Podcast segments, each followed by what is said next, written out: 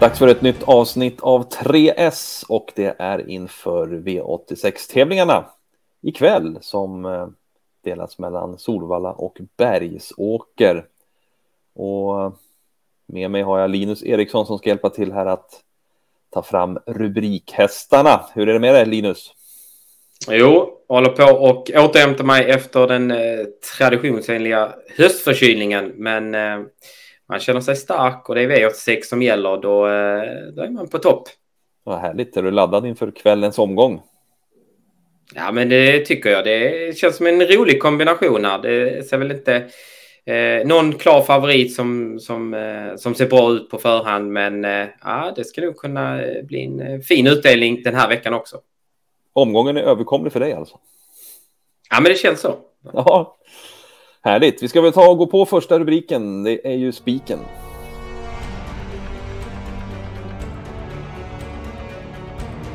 Ja, vi ska ta och inleda med spiken alltså och det är en eh, hårt betrodd häst, V86 nummer ett, Sister Sledge. Sister Sledge heter hon ju. Är det spets och slut som gäller här eller vad har vi för tankar? Ja, det är väl tanken efter att ha sett startlistan här. Hon eh, drog vinstlotten i spårlottningen när hon drog eh, spår 1 då innanför två Marion Fouty Bond som är eh, den främsta utmanaren. Vi har ju Sister Sledge. Hon kom ju med fina meriter från Nordamerika i fjol. Stod då för en riktigt stark fyraåringssäsong. Vann ju bland annat fyraåringseliten mot eh, hingstarna och vallakorna när hon från spets eh, höll undan före en viss Beppi Bi. Eh, sen var ju siktet inställt mot de större loppen i år. Eh, det var ju mycket snack om Elitloppet. Eh, stod också för en fin årsdebut, men eh, sedan blev det lite problem och Eh, ja, hon kunde inte, ja, helt enkelt förberedelserna funkade inte så att hon kunde gå ut i Elitloppet. Så att det blev lite hackad och malen säsong. Hon gjorde en start här nu i Bollnäs i somras. Stod för en eh, fullt godkänd prestation efter att hon hade fått lite eh, tuff, äh, press i, i spets. Avslutade hon drygt 11 sista varvet och ja, fullt godkänt utan att vara på topp. Um, det har ju gått ungefär en och en halv månad sedan den starten. Hon har inte tävlat på Tara. var Vet du om dagsstatusen för henne? Ja, vi har ju pratat med Daniel Redén och eh, han säger, från stallet låter det som att allting har varit bra. Det är bara det att det inte har funnits några passande lopp.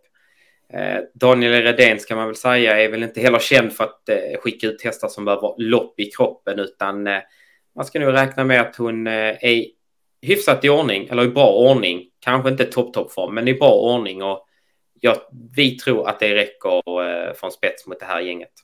Är hon klar spetsfavorit också eller?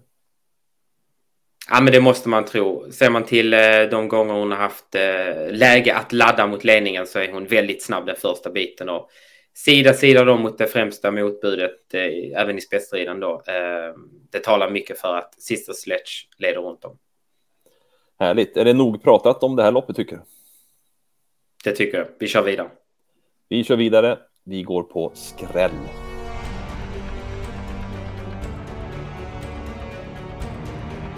Då ska vi hitta ett skrällopp och vad landar vi i den här veckan?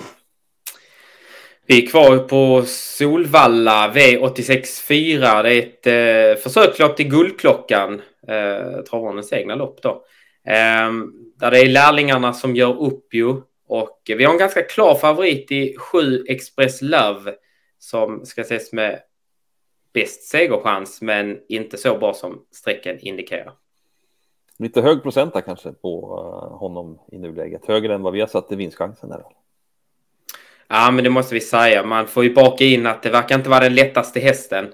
Han blev ju lite generad eller lite större senast och galopperade. Och det verkar inte krävas mycket för att han ska galoppera. Så att med tanke på det samt att han har ett spår lite längre ut, han är inte jättestartsnabb, så, så finns det faktorer som talar för eh, förlust och eh, bakom då Express Love, då finns det rätt många fynd. Åh, vad härligt. Vi har ju närmast på sträcken där två Heidkinam och tre Global Crossover, men eh, det kanske inte är de som är fynden direkt. Nej, men det är korrekt att de ligger som de ligger. Vi har två Heidkinam tvåa i rankingen och tre Global Crossover trea. Så det är rätt så, eh, så långt. Men eh, det finns som sagt några fynd och vi kan väl ta fem Rio Alta Wine som eh, senast stod för en riktigt rejäl insats. när han efter en resa i kön och eh, ut i tredje spår sista 7-800 gick en riktigt bra avslutning bakom Matchem som går ut som favorit i något eh, lopp lite längre, under, eh, längre fram under kvällen. Eh, stark eh, avslutning då som sagt. Skulle det bli lite bättre kraft den här gången, han sitter några hack längre fram, så eh, kan han mycket väl få, eh, få till det den här gången och fälla alla.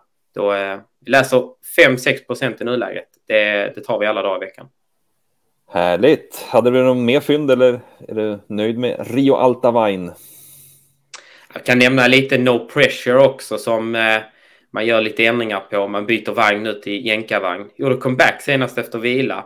Stod för en eh, jättebra prestation då. 11 8 sista 600 ute i spåren. Eh, läge för ryggledaren här och eh, skulle sedan då luckan komma så, så vet vi att den här hästen den kan vinna på V86 för det har den gjort förut. Ja, det var riktigt skönt steg över mål där på No Pressure senast får man säga. Så att han verkar på gång. Och ja, då har vi två härliga skrällar att försöka jobba in där i V86 4 i 5 Rio Alta Vine och nummer 1 No Pressure. Eh, är du nöjd med skrälloppet så långt? Ja, vi nöjer oss där. Men eh, som sagt, sträcka på. En rubrik kvar, den kommer nu.